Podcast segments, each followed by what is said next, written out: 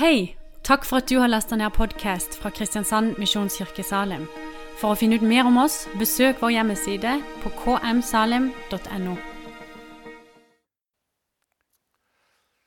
Jeg kan jo innledningsvis si at eh, eh, denne høsten så har vi et fokus på at eh, Bibelen forteller at Gud ikke forholder oss til oss mennesker bare som en stor gruppe, liksom Gud og menneskeheten.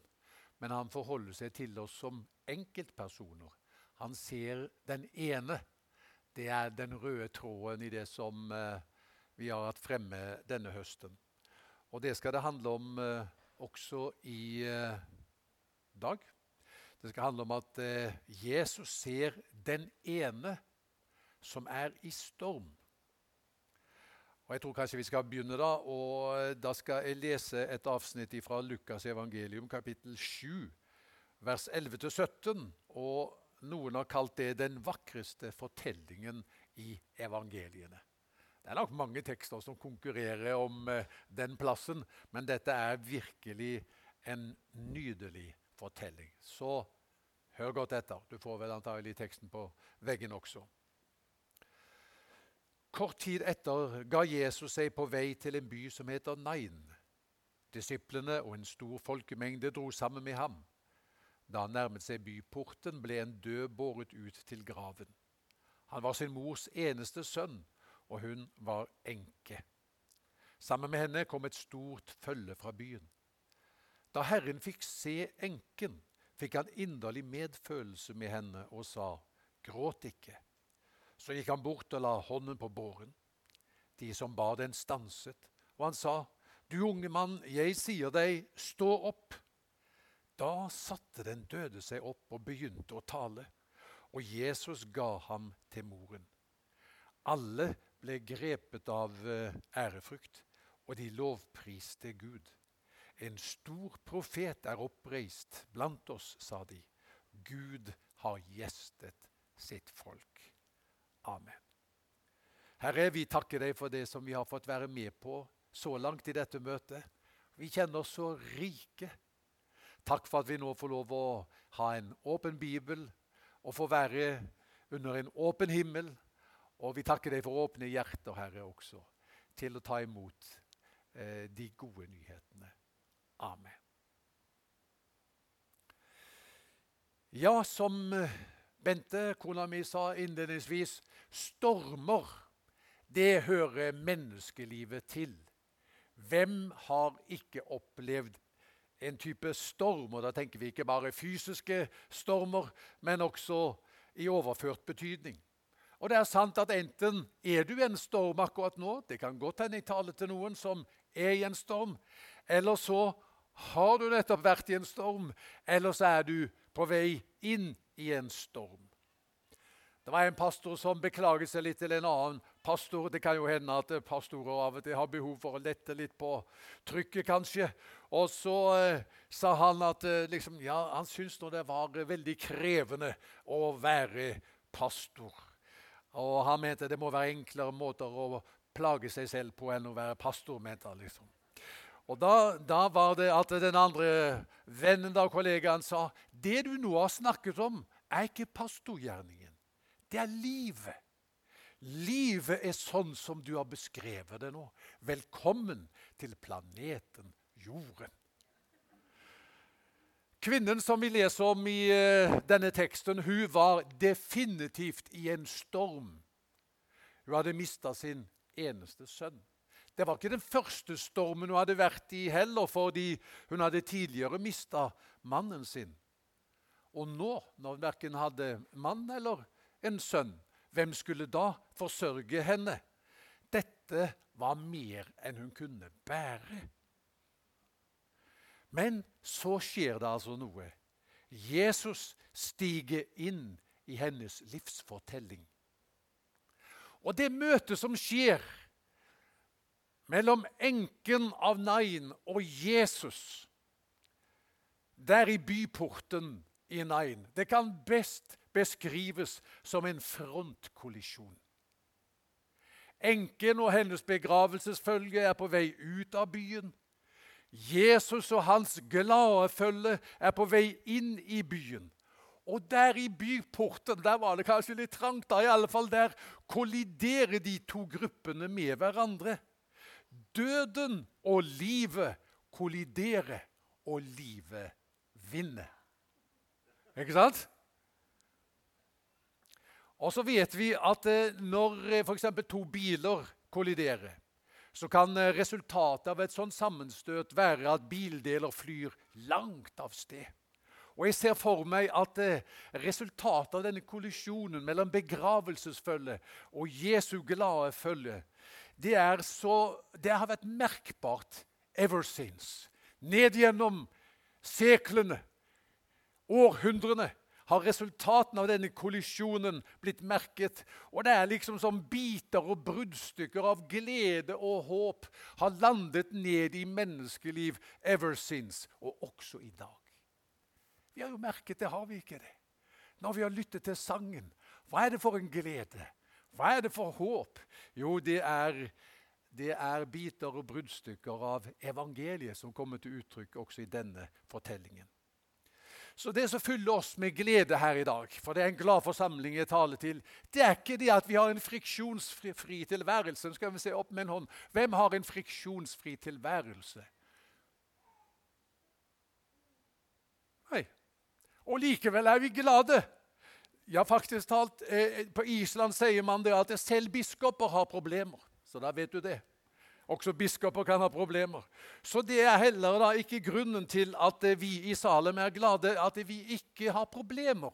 For det hører altså menneskelivet til. Så hva er det da? Ja, vi, vi har flere momenter i denne teksten. Det første jeg vil si Jesus ser deg. Er du som enken i en storm? Hva er det du har mistet? Noen du er glad i, kanskje. Jobben din.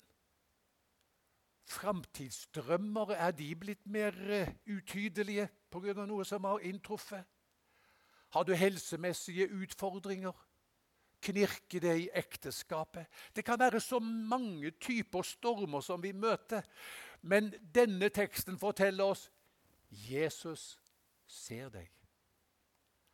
Abraham var i en fortvila situasjon en gang. Herren kom ham til unnsetning. Og etterpå den hendelsen så gir Abraham Gud et nytt navn. Han sier, 'Gud, du er Herren som ser'. Kanskje noen av dere har gjort lignende erfaringer og kommet ut av en storm, og så sier du, 'Gud, du er Herren som ser'. Hagar, tjenestejenta til Abrahams kone Sara, hun erfarte noe lignende når hun var i vanskeligheter, og hun sa til Gud, 'Du er en Gud som ser. Så det er det første punktet. Gud ser deg. Er det ikke mye trøst bare i det? For det andre Jesus har inderlig medfølelse med deg. Da han så enken, fikk han inderlig medfølelse med henne, leste vi. Han som har skrevet dette evangeliet, han heter Lukas. og Han har jo da en målgruppe. Han henvender seg ikke primært til jødene, men til alle som er ikke-jøder, altså hedningene. Og eh, Denne fortellingen gjorde et veldig sterkt inntrykk på hedningene. Fordi at I den romerske verden som han henvender seg til, der var det ikke noen manko på guder. skal jeg fortelle deg. Det var dusinvis, enda mye mer, av guder. Felles for dem alle var imidlertid dette Gud er distansert, uberørt av menneskers nød. For Romerne tenkte som så hvis du kan påvirke noen til å le eller gråte, da utøver du jo en slags makt over dem. Og ingen kan jo ha makt over guder, ergo guder må være uberørt av menneskers nød. Og Da er det at Lukas skriver, og jeg synes jeg ser for meg at han skriver på disse pergamentrullene som blekket spruter. Slik er ikke min Gud. Han er full av medlidenhet med deg. Hvor mye elsker han oss, da? Hvis du går til evangeliene og spør hvor mye kjærlighet har du til oss, da sier evangeliene så mye. Så mye at han dør for oss på korset, ikke sant? Går så dypt inn i vår nød. Identifiserer seg med vår ulykke, går inn i vår nød for å løfte oss ut av det hele. Da jeg var ganske ny kristen, fikk jeg en bok i, i hånda, en biografi av en amerikansk dame som heter Joni Eriksson. Og nå giftet hun seg siden og heter Joni Eriksson Tada. Så langt jeg vet, så lever denne Joni enda. Vel, da hun var tenåring, så eh, stupte hun og var glad i å bade. Og så sjekket hun ikke vanndybden, så hun stupte i én meter med vann. Resultatet var et brutalt møte med, med havbunnen, og hun brakk nakken og ble lam fra livet og ned. Og det er klart at Hun var en kristen, en, en flott jente på alle måter, men det er klart det ble mørkt. Det var liksom som om alt lys ble blåst ut. Så har hun en venninne som prøver å trøste henne og sitte der inne på sykerommet sammen med, med, med Joni. Og, men når liksom ikke inn. Og plutselig er det en tanke som, som slår ned i venninna hennes, og så sier hun til Joni Joni, vet du Jesus vet hvordan du har det. Vet du, han har, har også vært lam. What? Han har ikke vært lam. Jesus har også vært lam. Og Nå vet jeg at noen av dere tenker sau-lam, men det er ikke det jeg tenker på. Men jeg tenker på, som venninne sier, da han hang på korset, Joni, kan du være sikker på at han ønsket han skulle flytte, kunne flytte litt på den ene armen? Eller flytte litt på den andre armen. Eller bevege litt på kroppen, skifte tyngdepunktet litt. Men han var spikret fast til et kors, han kunne ikke bevege seg. Joni D er vel det nærmeste man kan komme å være lam. Joni sier det var som en plutselig var i himmelens forgård. Og mørket som liksom ruget over meg, det ble tatt bort, og lyset fylte hjertet mitt av hver side.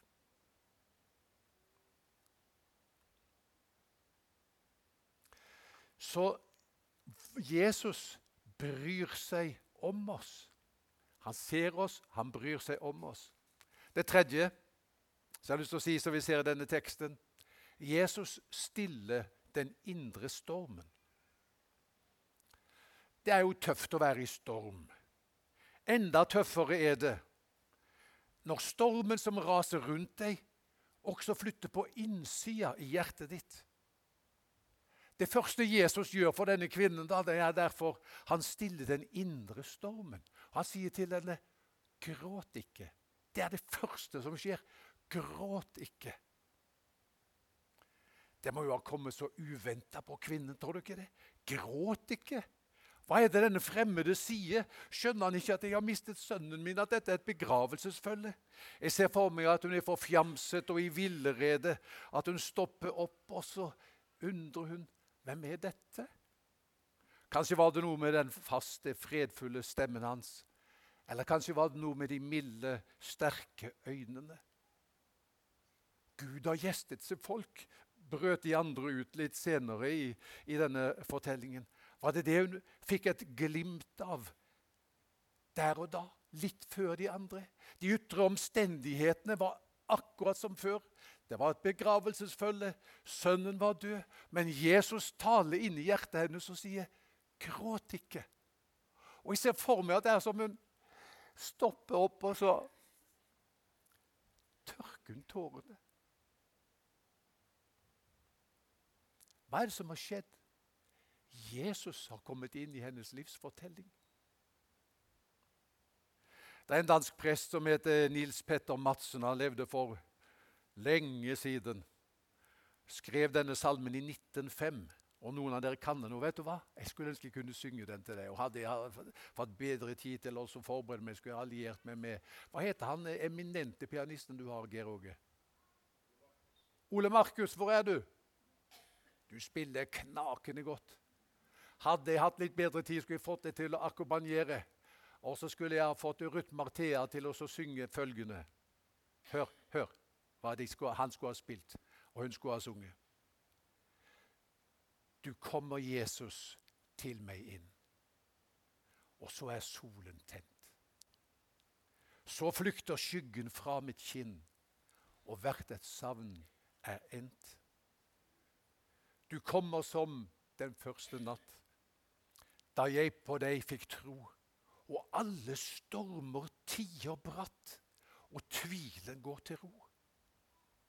Du kommer, og så svinner alt som ellers gjør meg redd. Da kan jeg stå hvor før jeg falt, og smile hvor jeg gret. Dette er på dansk. Kjenner du sangen? I alle fall så kjenner du erfaringen. Hva var det som skjedde for kvinnen? Jesus kom inn i livet hennes, og så stille han med det den indre stormen. Mye er uforandret, men hun har noe som hun ikke hadde før. Hun har Jesus. Er det lite? Det er veldig mye.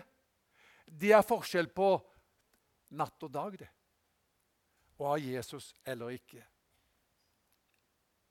Men han stiller også den ytre stormen. For Vi leser i eh, vers 14 og 15. Så gikk han bort og la hånden på båren. De som bar den, stanset, og han sa, Unge mann, jeg sier deg, stå opp. Da satte den døde seg opp og begynte å tale, og Jesus ga ham til hans mor. Da stilnet den ytre stormen òg. Hvor lang tid det gikk fra Jesus sa 'gråt ikke' til enken, til han sa til sønnen på båren 'stå opp', det vet jeg ikke. Antagelig skjedde det ganske samtidig, med, med, med noen få kanskje sekunder eller kanskje et minutts mellomrom. Og Noen av dere kan fortelle om det samme. Jeg møtte Jesus, og han sa til meg, 'Gråt ikke'. Og i neste øyeblikk det var liksom I samme åndedrag nesten så sa han til det som jeg hadde mistet, og til det som, eh, som lå på båren min, så sa han, 'Stå opp!' Og så ga han det nytt liv. Noen har sånne erfaringer. Andre av dere kan fortelle nå Ja, vet du, jeg lever faktisk mellom de der to ordene. Jeg har opplevd at Jesus kom inn i livet mitt, og han har sagt til meg 'gråt ikke', og han har stilnet den indre stormen. Men den ytre stormen den er ikke helt over enda. Det blåser enda. Det er litt tøft enda. Men livet er likevel ikke som det var før, fordi at jeg har fred i hjertet mitt. Det er ikke sånn at alle gåter får sine svar i dette livet. Ikke alle problemer finner sine endelige løsninger på denne siden av himmelen. Jeg syns Jobbs historie er en god illustrasjon på det. Kjenner vi Jobb? Jobb kjenner vi. Jobbs bok. Han var rik og mistet alt, men en dag snudde det. Det står i Jobbs bok kapittel 42, eh, som er det siste kapittelet i den boka. Da Jobb hadde bedt for vennene sine, vendte Herren hans lagnad. Han lot ham få dobbelt så mye som han hadde hatt før. Han fikk 14 000 sauer, 6000 kameler, 1000 par okser og 1000 eselhopper. Og han fikk igjen sju sønner og tre døtre. Dette er lett å sjekke om det stemmer, for hvis vi går til Jobbs bok kapittel 1 og de første versene, så ser vi jo, han fikk dobbelt av alt han på slutten av livet sitt. For eh, På starten av fortellingen om, av eh, Jobb så hadde han 7000 sauer. Og nå på slutten hadde han 14 000 sauer. Er det dobbelt? Det er dobbelt. Han hadde 3000 kameler i kapittel 1, og i kapittel 42 så hadde han 6000 kameler. Det er dobbelt. Han hadde 500 okser i kapittel 1, 1000, i, 1000 par i kapittel 42. Og det samme med eselhopper. Så det er en dobling. Og så står det Og så fikk han sju sønner og tre døtre. Men det er jo ikke dobbelt. Han hadde sju sønner og tre døtre i kapittel 1. Og så hadde han sju sønner og tre døtre i kapittel 42. Det er jo ikke dobbelt. Ja, men hallo! Vi må jo ikke glemme himmelen. Han hadde syv sønner og tre døtre i himmelen. Og så hadde han syv sønner og tre døtre på jorden. Og hvor mye er syv pluss tre og syv pluss tre? Det er dobbelt. Han hadde dobbelt.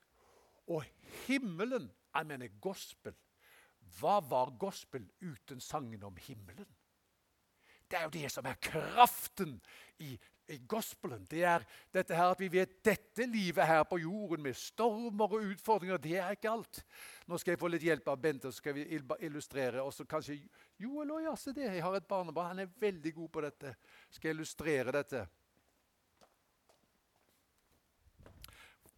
Skal vi se. Hvis du holder der, så du, Joel, går så langt du kan bortover der. Sånn. Du står der, Bente. Bare gå, du. Helt til du kan spille 'Lisa gikk til skolen' på piano. Sånn. Stopp. Det er fint. Ja, hva er dette? Det er evigheten. Det så du vel? Det er evigheten, og vi kunne gått, hvis Bente virkelig skulle understreke dette, så hadde hun gått ut i foajeen eller inn på uh, teknikerrommet der. Men, men, det er greit. Dette er, evigheten, den tidenes morgen. Og så har du liksom tidenes avslutning. altså Gud er fra evighet til evighet. Og så skal du se, skal jeg prøve på noe her. Så skal jeg tegne livet ditt. Følg godt med, eh, for å si Angela, da, som er mammaen til eh, Som satser lagelig til der på første benk. Det er livet til Angela. Det hadde du aldri trodd at pappa skulle tegne livet ditt sånn. Som en tusjflekk. Ser du det? Det skal bare være så vidt. Ser du det, Colin? Den tusjflekken. Det er livet vårt her på jorda. Jeg mener Sammenligna med evigheten helt i begynnelsen og liksom fortsettelsen i det uendelige, så er livet vårt her det er bare en tusjflekk. Og tror du at alt det som Gud har av godhet på lager for deg, får plass på en tusjflekk? Nei, vet du, han trenger en evighet, står det i Efeserbrevet kapittel 2, for riktig å utfolde alt det gode som han har for deg. Så du må ikke tenke som så. Hvis du har opplevd han har stillet den indre stormen, så er det det blåser fortsatt litt eh, ellers når det gjelder den ytre stormen. Så skal du bare vite det. Opplever du ikke liksom, fullkommen løsning på alle ting på denne siden av himmelen, så må vi ikke glemme himmelen. For det som ligger foran, det er like virkelig som her og nå, og enda mer. Vi kan bare legge den ned eller rulle den sammen. Det kan dere få lov å avgjøre. Så, så det, er, de er, sant. Og så er det, skal jeg likevel avslutte med å si at Jesus kan også på denne siden av himmelen stille stormer, de ytre stormene. Er det noen som kan si ja, det vet jeg om? Ja. Har han, stillet det? han har stillet den indre stormen. Stillet han den ytre stormen òg? Ja, Noen av dere sier ja, dette vet jeg mye om. Ok, La meg avslutte med eh, en fortelling som jeg liker veldig godt, om eh, eh, Terje Forsberg. Noen av dere har hørt meg fortelle om han. Sarpsborgmannen som skrev denne boka. vet du. 'Aldri for sent å bli et lykkelig barn'. Kjenner du det? Snakk om å være i storm. Han mistet de 21. årene av livet sitt.